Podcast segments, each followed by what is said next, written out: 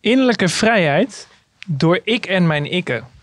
Welkom bij deze podcast met Robert Stammeljev, die alles weet over voice dialogue methode en uh, innerlijke vrijheid door ik en mijn ikken. Dat is waar we het vandaag over hebben. Ja, dankjewel voor de uitnodiging. Leuk om hier te zijn. En ja, zal ik maar wat uh, vertellen? Ja, absoluut. Dan deze titel, ja, ik sta te popelen om te horen wat, uh, wat ik daarmee kan. Innerlijke vrijheid door ik en mijn ikken. Oké, nou, um, misschien goed om te zeggen dat ik al uh, ruim 30 jaar uh, bezig ben met menselijk bewustzijn. Mm -hmm. En daar ook, ja, ik heb een praktijk voor individuele begeleiding. En ik geef opleidingen aan coaches, trainers, maar ook mensen die, ja, ook managers zo nu en dan. En ook ja, in heel veel, verschillende settings, zowel in binnen- als in buitenland. En wat mij altijd gefascineerd heeft, van, vanaf hele jonge leeftijd, is uh, ja, in hoeverre ben ik vrij? In hoeverre kan ik echt kiezen? Um, dus dat was al een beetje een obsessie toen ik een jaar 14, 15 was en op school zat. En uh, eigenlijk van die school af wilde, van het uh, lyceum daar, Baarslyceum, gymnasium. Um, en ik dacht, ja, waarom doen we dingen? Dus dat, zo ben ik eigenlijk mee begonnen. En uh, in het begin was het ook kijken naar meditatie, naar uh, mindfulness. Alleen heette dat nog anders.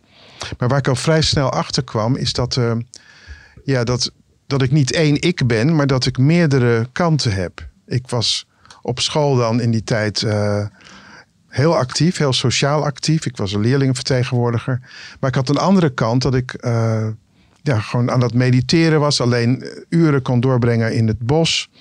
En um, dat waren twee verschillende kanten. En dan, ik voelde me soms ook wat gespleten. Van ja, wie ben ik nou?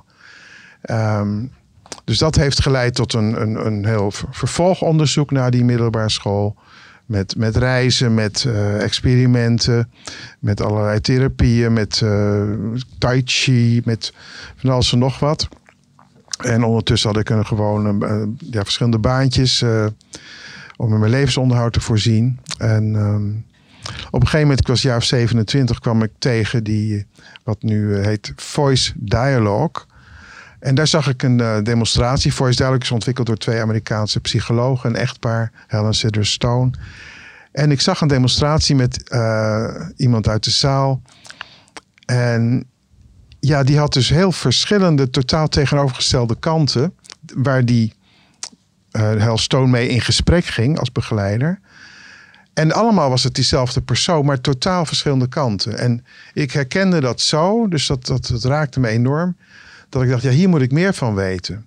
Dus ik heb toen een uh, workshop gevolgd de volgende dag in de, de Cosmos. En uh, daarna ben ik, dacht ik aan, dit is het gewoon. Dus toen ben ik naar Amerika uh, vertrokken. Daar ben ik gaan studeren, psychologie. Ik heb een master degree gehaald in psychologie met de specialisatie met die voice dialogue en transformatie psychologie.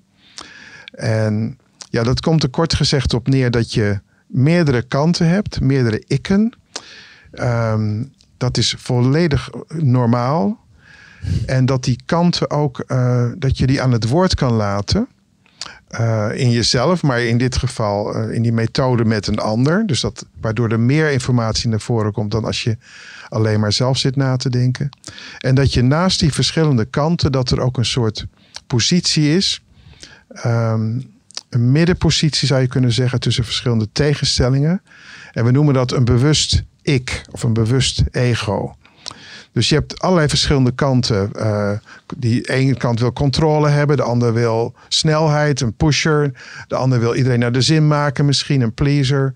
Uh, je hebt misschien een in intuïtie, een inspiratie. En uh, heel belangrijk, ieder mens heeft ook een grote kwetsbaarheid. Waarmee sommige mensen het ja, contact kwijt zijn mm -hmm. geraakt. Ook heel belangrijk om die te leren kennen omdat als je die niet kent, dan heb je kans dat sommige van die ikken, dat die overuren maken als een compensatie voor dat gevoel van kwetsbaarheid. Dus het leren kennen van je eigen kwetsbaarheid is heel belangrijk. En een doel is ook om dat vanuit je middenpositie, vanuit je bewuste ik-positie, om daar contact mee te hebben. Dat je weet, ik ben kwetsbaar. Dat je dat kan, uh, ja, goed voor jezelf kan zorgen. En dat je waar nodig ook grenzen kan aanbrengen. Bijvoorbeeld grenzen in de hoeveelheid werk die je doet. Hè, hoeveelheid uren die je, dat je werkt. Maar ook in relaties. Dat je besluit wel of niet je kwetsbaar op te stellen. Um, dus ja, nee goed. Dus uh, ik ben al aan het uitweiden over die voice dialogue. Maar voor mij persoonlijk was dat een uh, hele belangrijke ontdekking.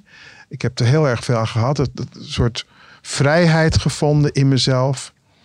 Dat het prima was om heel uh, ja, extreem verschillende kanten te hebben. Dat het prima is om kwetsbaar te zijn. Uh, maar dat het ook heel fijn is dat er een, een iets zich ontwikkelt. Zo'n bewust ik. Die daarmee uh, aan de slag kan gaan. Ja. En ja, hoe ga je ermee aan de slag? in het maken van keuzes. Ga ik wel of niet op reis? Ga ik wel of niet verhuizen? Uh, maar als je zakelijk uh, bezig bent, bewuste keuzes voor je onderneming. Um, nou ja, dus er zijn alle mogelijke keuzes die, die, waarbij het goed is om die verschillende kanten eerst eens aan het woord te laten voordat je ergens de knoop doorhakt. Dat je niet een keus maakt alleen maar vanuit één kant. Bijvoorbeeld de pusher dat je alleen maar meer wil en, en, en, verder wil.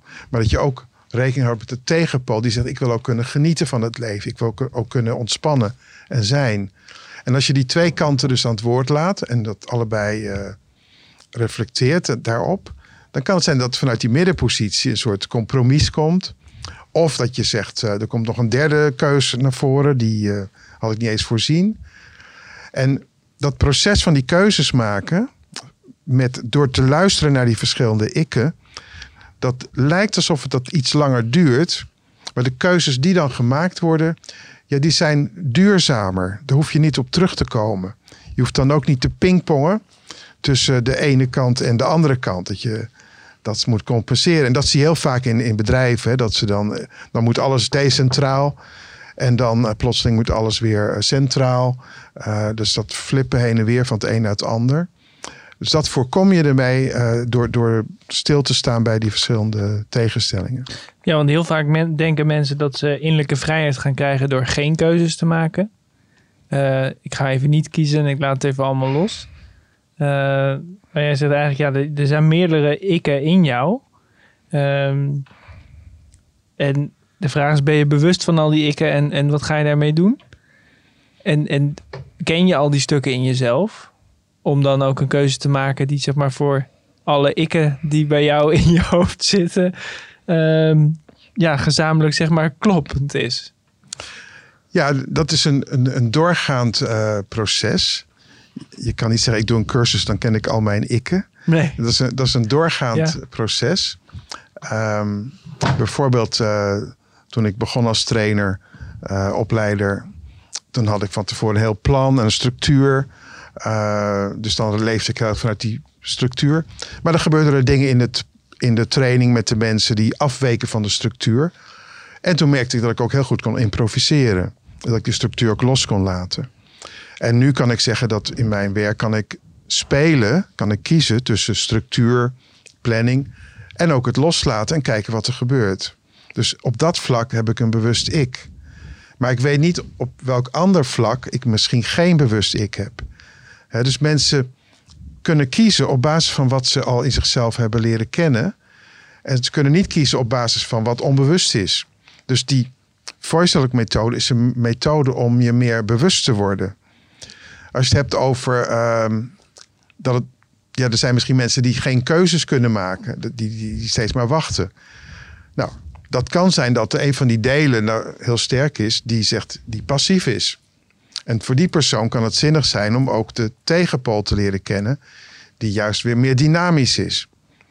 En als je allebei kent, dan kan je zeggen: dan maak ik een bewuste keus. De ene keer wacht ik eens af, maar de andere keer ga ik doorpakken.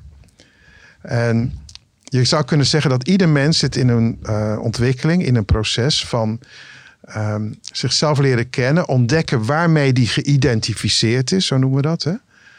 En wat er mogelijk nog uh, ontbreekt. En het leuke van het leven is, we hadden het ook over uh, relaties, hoe kan je dat in relaties uh, toepassen?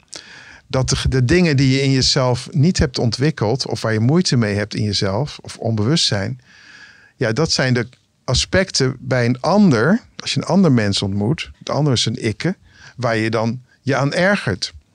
Dus als jij, als jij heel erg houdt van mensen die harmonieus zijn en je ergert je aan mensen die het conflict opzoeken, dan kan jij ervan leren dat mogelijk die persoon die het conflict uh, maakt, dat dat iets vertegenwoordigt waar jij wat van kan leren. Met andere woorden, een kant in jou die misschien ook eens wat meer voor zichzelf op wil komen. En dat proces van uh, jezelf leren kennen, dat, dat, houdt niet op. Je ontmoet steeds mensen waar uh, wel wat, wat je, die, die dingen hebben die lastig zijn. Of je hebt een partner die op heel veel vlakken hetzelfde is, maar op één punt juist totaal tegenovergesteld. Um, dus dat is een doorgaand proces van die ik leren kennen. Uh, dus dat houdt niet op. Dat, dat, mijn leraar op zijn 85ste die schreef, vertelde mij: Ik heb nou weer wat ontdekt. Uh, ik heb gemerkt dat ik. Ik hoef geen boek meer te schrijven.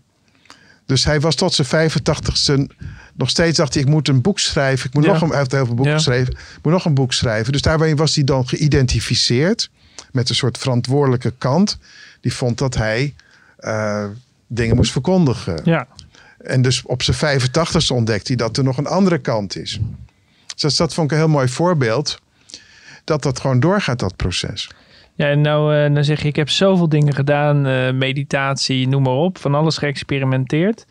Uh, hebben die dingen je dan geen innerlijke vrijheid gebracht? Um, nou ja, zeker ook. Mediteren vind ik een, een, een hele mooie ja, aanpak om je niet te vereenzelvigen met je gedachten of je emoties. Maar dat kan op zichzelf ook een valkuil zijn als iemand, als hij, uh, weet ik wat, jaloers is of verdrietig, als hij dan gaat mediteren om niet die emotie te voelen, dan kan dat mediteren ook weer zo'n ik worden, de meditatie-ik, die aan het werk gaat om iets, iets onprettigs te vermijden. Dus je hebt een heleboel uh, valkuilen en, en um, ja, dat proces gaat gewoon door. Ja. Maar ik heb heel veel gehad aan meditatie, ik heb heel veel gehad aan tai chi. Dat is een methode om, uh, ja, zijn gevechtskunst, maar dat is ook iets om je meer te ontspannen in de actie. Dat je aangevallen wordt, dat je probeert te blijven ademen en meebewegen. In plaats van verstarren. En uh, ja, dus dat is een heel, daar heb ik veel aan gehad. Ik heb veel gedaan met uh, ja, allerlei vormen van coaching en therapie en mindfulness. En, uh, Want wat is er dan zo uniek aan voice dialogue voor jou dat je dacht, hier moet ik mee verder. Dit, dit, moet, dit heeft de wereld nodig. Nou, zeg aan de ene kant dat idee wat ik net beschets met dat je uit die meerdere kanten bestaat en dat dat helemaal oké okay is. Maar aan de andere kant, het is een dialoog, dialoog met een ander. Dus die ander, de, de facilitator, iemand die jou faciliteert, die helpt jou om bewust te worden. Dus je hoeft dat niet zelf te doen. Dus een super democratische aanpak die niet heel moeilijk te leren is. Iedereen kan dat leren, naast coaches en therapeuten. Uh, gewoon omdat je dan elkaar kan helpen. Als jij een bepaalde stemming hebt, zegt, ik weet niet zo goed wat het is, kan je er eens met mij praten als ik in die stemming zit. Nou, dan kan je partner, je vriendin of een vriend of een goede kennis die dat geleerd heeft, die kan eens met dat deel van jou in gesprek gaan. En dan komt er dus informatie naar voren en ervaringen krijg je dan die uh, iets in beweging zetten wat uh, veel sneller gaat dan als je je eentje op een steen zit te mediteren ergens. Het opent dus ook heel veel diepgang uh, in de relaties met anderen en in de reflecties met anderen. En, en hoe je dan, want als ik nou mezelf zie als één iemand en die ander ziet, mij, uh, ziet zichzelf ook als één iemand, dan, dan, dan, ja, dan is er weinig ontdekking daarin. Want wie ben jij dan? Terwijl als je, als je dan denkt van ja, er zijn meerdere stukken, meerdere Nico's. Zal hier, misschien zitten hier allemaal honderd vrienden nog achter me. Um, ja, dan is er ook wel een hele mooie ontdekkingsreis. Ja, absoluut. En um, het leuke met die voice is dat diegene met die jou dan helpt daarbij, dat is de facilitator, die heeft, hoeft niet de wijsheid in pacht te hebben. Dat hoeft niet een gids te zijn. Het is gewoon heel democratisch. Die zegt, nou, ik, ik merk, ik heb een, een dilemma. Ga ik nou dit of dat doen met mijn werk? Nou, laat eerst maar eens die ene kant praten en dan die andere kant. Um, ja, zo gaat dat. En uh, Ja, zeg, dan, dan bereik je uiteindelijk innerlijke vrijheid. En, en is dan een beslissingsproces van iemand die met voice dialogue aan de slag gegaan, ja, is, is dat dan anders in jouw ogen? Gaat iemand anders beslissingen nemen? Ehm, ja, die zal misschien uh, voordat hij een grote beslissing neemt, als een weet ik wat, een huis verkopen of op reis gaan, uh, of gaan trouwen, dat, dat hij eventjes dat die, die verschillende stemmen die een rol spelen, dat hij daar uh, goed naar luistert.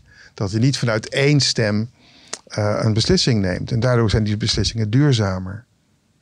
Ben je nooit bang dat, dit, dat deze hele filosofie zeg maar, niet wordt ge, de, geaccepteerd door mensen. Dat ze wel denken van, nou, nou, die, die Robert, die is helemaal gek. Nou, dat is het leuk als je dan iets langer meeloopt. Ja. Um, dus ik doe het eigenlijk al wat langer dan 30 jaar trouwens. Vanaf 19... Vanaf... Uh, nee, wat was het? Ik was 27, ja. Dus uh, 1982. Um, dat heel veel dingen waar we toen over hadden... die zijn een beetje gemeengoed geworden.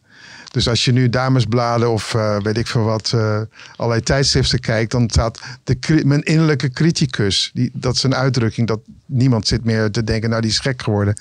Of uh, de perfectionist in mij. of je, weet ik veel wat, iedereen heeft over je kwetsbaar opstellen. Nou, 30 jaar geleden kon je dat niet zeggen. Dan werd je echt aangekeken.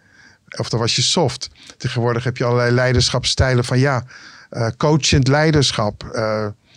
Dus daar is al heel erg veel veranderd. Dus dat werk, wat, wat al een tijd bestaat, dat zijpelt langzaam door in het gewone taalgebruik. En in de gewone uh, ja, dagelijkse praktijk van, van alle dag. Ja. Dus nooit meegemaakt dat iemand weg is gelopen aan de training en zei: Nou, dit, dit kan ik niet hebben. Nou, het zal best eens een keer iemand weggelopen zijn. Ik heb ook wel eens mensen weggestuurd trouwens. Ja, ja precies. oh, heerlijk. Um, waar komt het nou eindelijk vandaan? Want jij zegt, uh, ja, Hel en Citra Stone, uh, die komen uit Amerika. Die, die waren er heel erg mee bezig, heel erg bedreven. Hebben jou opgeleid uh, eigenlijk in deze methodiek, in deze gedachtegang. Nou ja, dat, dat is een, een, een soort, is natuurlijk historisch, er is een, een geschiedenis. Hè? Dus Freud heeft het over het onbewuste. Dan heb je Jung, Carl Gustav Jung, die is daarop doorgegaan. Die heeft ook het idee van de archetype heeft hij verder ontwikkeld. Hal Stone, mijn leraar, was een directe leerling van Jung. Uh, die heeft dan met zijn vrouw Sidra Stone, ook een psycholoog, uh, hebben ze die voice duidelijk ontwikkeld. En dat hebben ze eigenlijk ontwikkeld doordat ze helemaal in het begin waren ze helemaal niet met, met nieuwe methodes bezig, maar ze waren bezig om elkaar beter te leren kennen. En toen hadden ze al gemerkt, eigenlijk vrij spontaan, dat ze niet met één persoon een relatie hadden, maar met een hele club ieder. Net als dat bij iedereen eigenlijk het geval is. Maar zij waren dat zich behoorlijk bewust. En zij zijn eigenlijk spelende wijze gaan praten met die verschillende kanten in, in elkaar. Met, op een gegeven moment was er een vierjarig meisje die, die op de bank zat en die ja, non-verbaal, die, die het gewoon fijn vond om gehoord en gezien te worden, bij wijze van spreken. En bij Hellstone hetzelfde, dat, het kleine jongetje. Maar ook de patriarch die vond van ja, waarom zou je met één vrouw een relatie hebben? Waarom niet met meer? Ligt nou goed in de markt. Uh, maar doordat zo'n stem kon spreken en dat Sidra in staat was om daarmee een gesprek aan te gaan. Um, het is niet dat hij dan werd uh, ja, weggestopt, maar hij, de energie kwam vrij en daardoor uh, ging die niet storen, als het ware. En zij zijn in die communicatie dat met elkaar gaan doen en allerlei kanten ontdekt waar ze dan mee in gesprek gingen. En omdat ze allebei een praktijk hadden als psychotherapeut, um, zijn ze dat op een gegeven moment spelende wijze gaan toepassen op uh, mensen in hun praktijk, cliënten. Met uh, hele belangrijke resultaten. En zover dat mensen van buiten dachten: wat, wie heeft nou deze jongen geholpen die niemand kon bereiken? Uh, en dat, dan bleek dat, dat Hellstone daarmee gewerkt had. En toen kwamen dus collega's van: ja, maar wat doe je dan? En toen werd het pas bekend naar buiten toe. Van ja, dit is eigenlijk een, een bepaalde methodiek en theoretisch zeg ik dat dat gaat terug naar Jung en Freud. Maar er zitten allerlei elementen bij, uh, ook vanuit de zogenaamde humanistische psychologie en de transpersoonlijke psychologie. Het werken met energie, aandacht besteden aan je lichaam. Dus er zijn ook invloeden van allerlei andere methodes. Gestalt, focusing, psychodrama. Dus alles bij elkaar heeft dat dan eh, geleid tot die speciale vorm die we nu voice dialogue noemen. Ja, want jij zei eh, net uh, de energie die komt dan vrij. Wat bedoel je daar precies mee? Nou, die, die delen, die ikken, dat is niet alleen maar een, een gedachte. Uh, dat heeft ook een relatie met je lichaam. Als je praat met iemands innerlijke controleur, dan zit die persoon meestal wat rechtop en die, die beweegt ook wat star. Dat is een heel energiepatroon. Dat is niet alleen maar cognitief, niet alleen maar in je hoofd. Als je praat met uh, de, het kwetsbare kind en iemand, iemands kwetsbaar, dat is een gevoel in de buik. Dat is een, een hele andere manier van uh, aanwezig zijn. En uh, dat geldt dus voor al die delen. De pleaser, die is misschien, die voelt helemaal niks in zichzelf. Die is alleen maar aan het scannen om zich heen of iedereen wel uh, er goed bij zit en uh, genoeg te drinken heeft, dat soort dingen. Uh, dus al die verschillende ikken, die hebben een andere relatie met, je, met het lichaam, met de stem, met de hele motoriek. Dus voor de begeleider, de facilitator, die, ik geef dus ook opleidingen en trainingen via het ITP. Dus die, die, die uh, begeleiders, die leren ook niet alleen verbaal en cognitief te werken, maar ook uh, vanuit het lichaam. En het lichaam, dus ook als je geen therapeut of coach bent, maar überhaupt gewoon met mensen te maken hebt. Als jij goed in contact staat met je eigen lichaam uh, en je adem, en je kan vrij ademen, dan krijg je als het ware informatie van binnenuit als je met iemand in gesprek bent. En dat is niet super ingewikkeld, dat is geen rocket science. Dus dat kan iedereen leren. Als jij lekker in je vel zit en goed contact met jezelf hebt, dan geeft jouw lichaam, jouw hele systeem geeft informatie over degene met wie je uh, in verbinding staat. Ja, en welke energie komt er dan vrij? Die energie dus dat die persoon daar is? Of die energie van de ik? Of wat, wat wordt er... Nou ja, je kan uh, zeggen dat de, bij sommige mensen voel je je zo bijvoorbeeld heel erg op je gemak. Dat, mm -hmm. dat merk je dan. Dat is dan prettig om te merken. Bij andere mensen merk je dat je op je kievieven bent. Dus dat is iets wat je lichaam vanzelf als het ware doet. Dus dat is luisteren naar de natuurlijke reacties. Dat is al uh, dat, dat verrijkt je communicatie. Maar je kan het in die voorstelling met die verschillende ikken kan je het nog meer specificeren. Dus dat kan je nog oefenen. Dus als je met iemand praat die heel erg gecontroleerd is, dan, kan je, dan voel je als het ware je eigen controleur, die, gaat eigenlijk, die wil eigenlijk meedoen. Uh, als je iemand mee in, in, verbinding bent die heel erg persoonlijk is, die heel veel contact maakt, dan kan het zijn dat je daar op hetzelfde gaat doen. Maar het kan ook zijn dat je merkt van, oh jee, ik, ik wil eigenlijk afstand nemen. Ja. Dus je krijgt ook tegenovergestelde reacties. Nou, door dat soort dingen bewust te ervaren, heb je meer uh, mogelijkheden om daarop te reageren. Als je met zo iemand omgaat die heel erg afstandelijk is en die dat prettig vindt, dan is het effectiever om zelf ook iets meer afstand te nemen. Ja. Dan te proberen om die ander helemaal uh, te gaan uh, bereiken. Dan kan ik me voorstellen dat soms mensen denken: ja, maar ik voel me eigenlijk vrijer als ik niet voel. Als ik niet bewust ben van al die persoonlijkheden en als ik niet.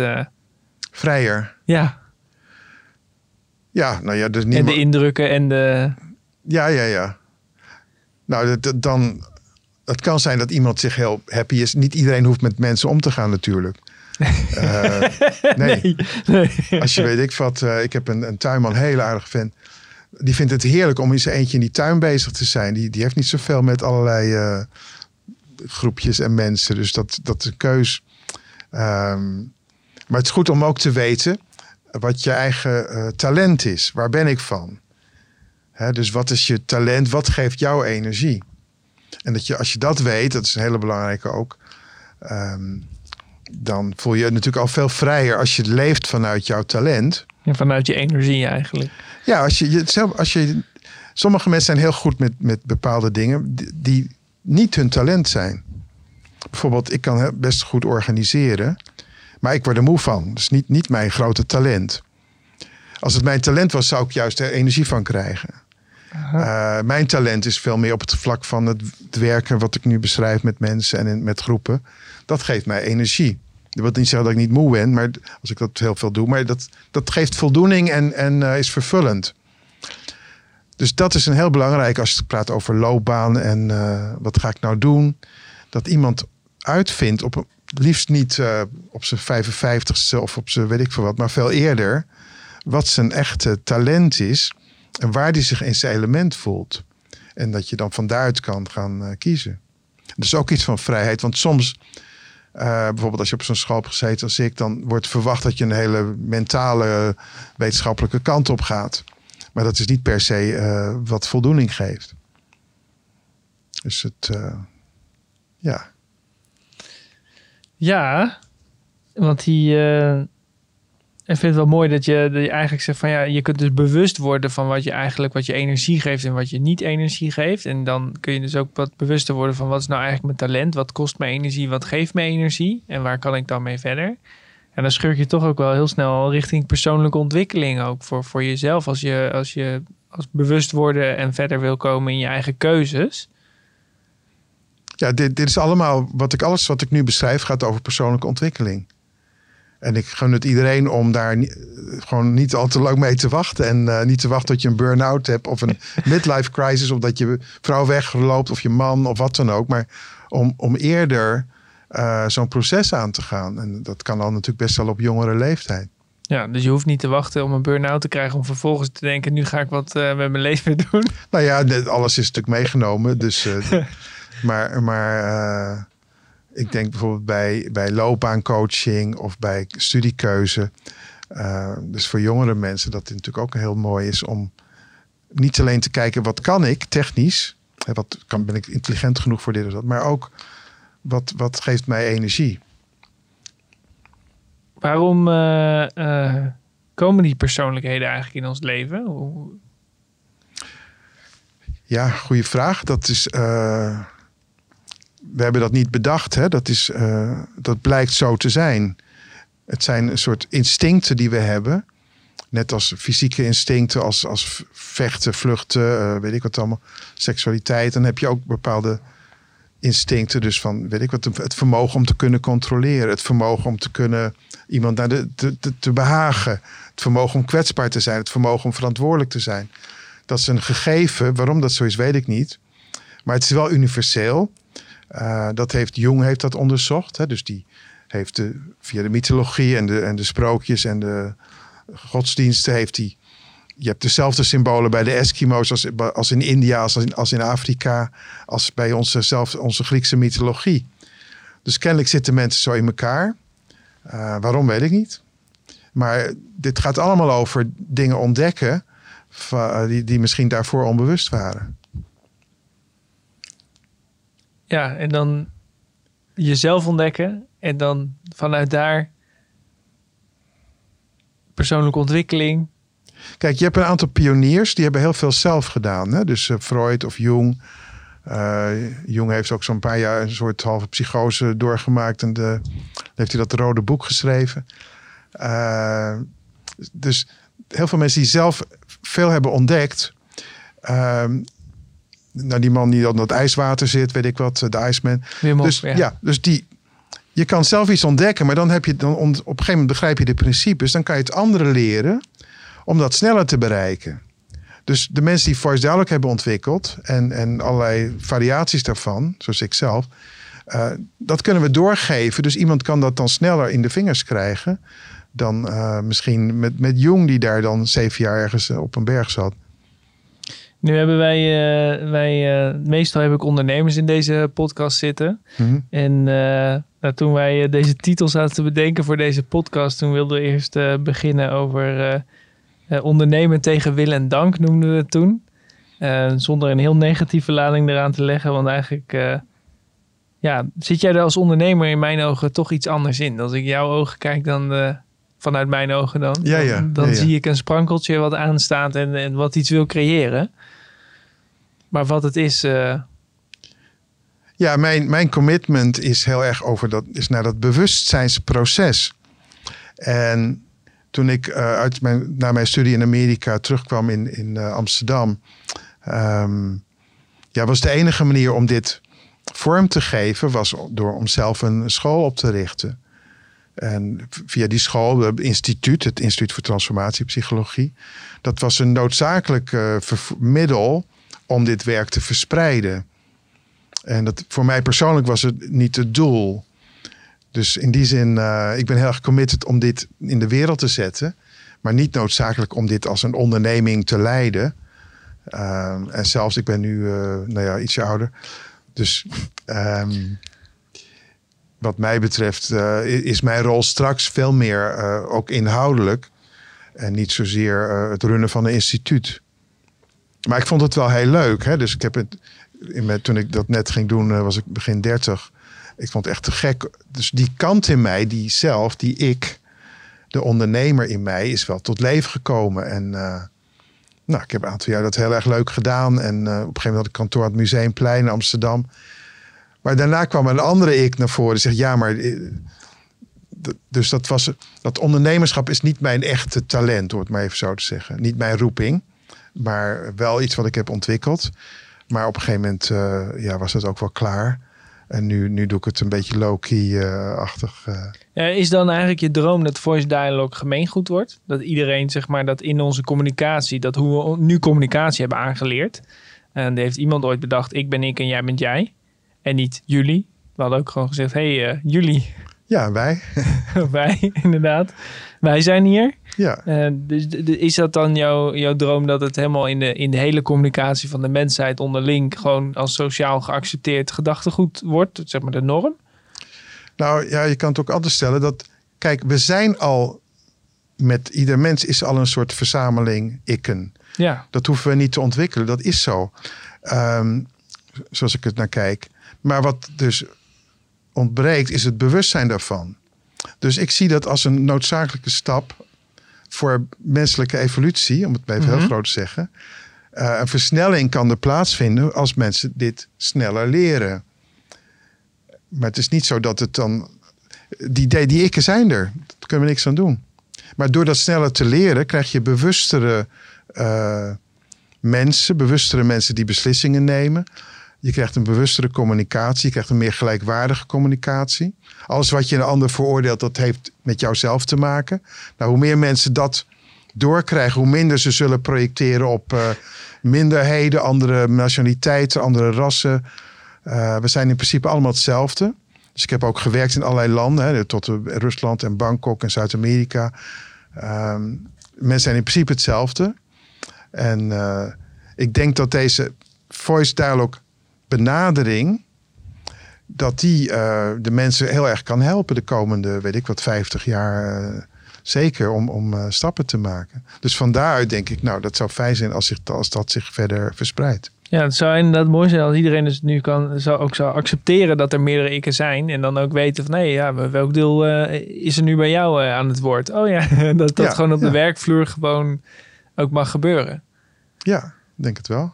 Dus dat, uh, er zijn ook organisaties waar, dat, uh, waar meer bewustzijn is, om het maar even zo te zeggen. Ja, een mooie droom. Ja. Wat is er nog voor nodig voor die droom?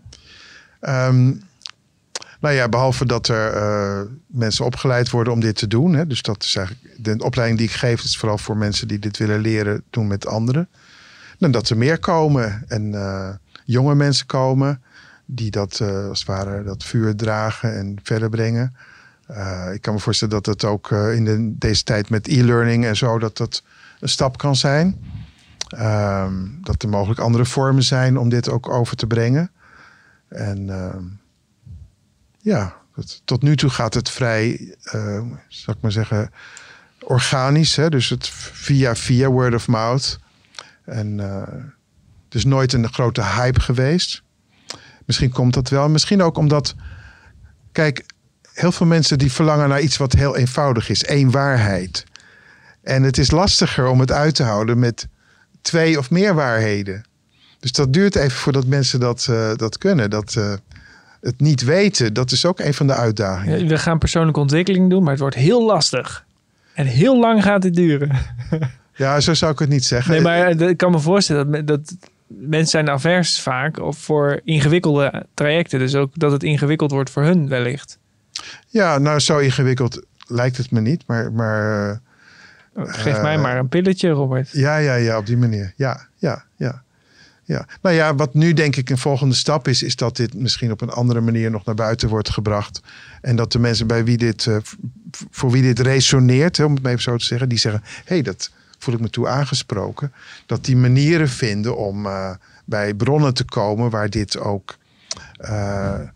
Wordt, wordt overgedragen. Hè? Want je kan dit niet uit een boekje leren. Je moet eigenlijk een keer of één of twee of wat, een keer een sessie ondergaan. Dat kan ook via Zoom, hè? heb ik gemerkt. Maar dat je het, iemand hebt die jou helpt om eens dat te ervaren. En dan kan je in een soort stroomversnelling komen misschien. eh. En stel dat onze luisteraars, eh, eh, die ik even helemaal vergeten was, maar dus ze zijn er nog wel, dat, die, dat die eigenlijk nu zeggen, nou, ik- bijzonder verhaal, ik zou ook wel stappen willen nemen. Ja, waar begint die, waar begint die reis voor hun? Nou ja, dan zou, je, zou iemand zou eens eh, wat over kunnen lezen. Er zijn eh, toch wel veel boeken over. Eh, je moet maar eens googlen, Voice Dialogue. Ehm het is ook vertaald in het Nederlands, ook in andere talen. Ehm, je zou een, eh, een, een cursus van een dag kunnen doen. Je zou een online cursus kunnen doen. Eh, voor de echte enthousiastelingen zou ik zeggen, ga, ga- boek een sessie met iemand die goed opgeleid is. Ehm, dus dat, eh, dat zijn vervolgstappen. En belangrijk is denk ik om het eens te ervaren. En hoe kunnen ze jou vinden online? Nou, moet je even mijn naam googlen en dan eh Robert Stalmeljev. ja, stammeljev.com, uh, dat soort dingen. Ja, Maar mijn naam, die, ik heb een vrij unieke naam, dus wat dat betreft. dat is wel waar, ja. ja, Als je Voice Dialogue wilt, eh, dan kom je altijd eh, bij jou uit. En, eh, en andersom. en andersom. Ja, misschien wel leuk om te vertellen. Wij, wij kennen elkaar een beetje bij toeval.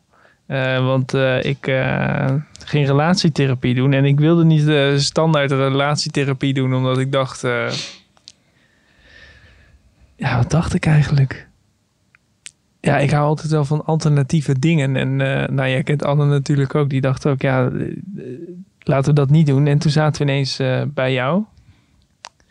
En toen heb ik hetzelfde voice dialogue eh, mogen ondergaan. De eerste eh, snufjes daarvan in ieder geval. Ja, voor mij heeft het eigenlijk best wel een hele wereld geopend eigenlijk. Als je dan... Ik kijk niet meer naar Anne zoals ik daarvoor naar Anne keek. Mhm, mhm. Ehm, en ik hoop zij ook niet naar mij. maar, dus er is wel een heel traject ingegaan ook. ehm, maar ook als ik zou moeten kiezen, dan zou ik wel zeggen... zou eerst zelf een sessie ondergaan. Mhm, mhm. Of een eh, e-learning volgens mij dan wel gecombineerd eh, met een sessie. Ehm, Ja, dus jij, jij bent de ervaringsdeskundige, hè? ja, nou ja, jij ook, want jij bent, Ja, ook, ja, een ja. Keer, jij bent ook een keer begonnen.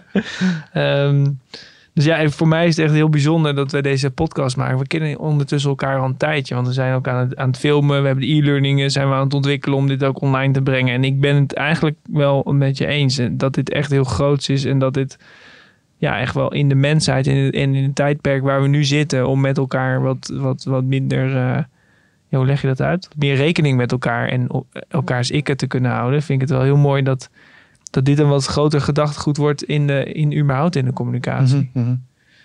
Dus eh, mocht je als luisteraar nog, nog vragen hebben of denken, nou ja, hoe zit dit of hoe zit dat? Dan wil ik je ook eh, van harte uitnodigen om onder deze podcast ook, eh, dus hieronder, een eh, reactie achter te laten. Vind je het echt super tof? Nou, volg ons dan op eh, Spotify en op eh, YouTube, want dat, eh, dat helpt ons om eh, nog meer mensen te bereiken en dit, eh, dit groter te maken. Ehm, ja, dus, dus stel je specifieke vraag. Eh, ik wil jou hartstikke bedanken. Het is heel fijn om dit eh, met jou te doen. En eh, ja, als je dus meer wil weten, ga naar voicedialogueworld.com. En dan zie ik jullie volgende keer. Ja, ook heel erg bedankt, Nico. Dat, fijn. Snel voor de avondklok naar huis. Ook dat nog, ja. Fijne avond.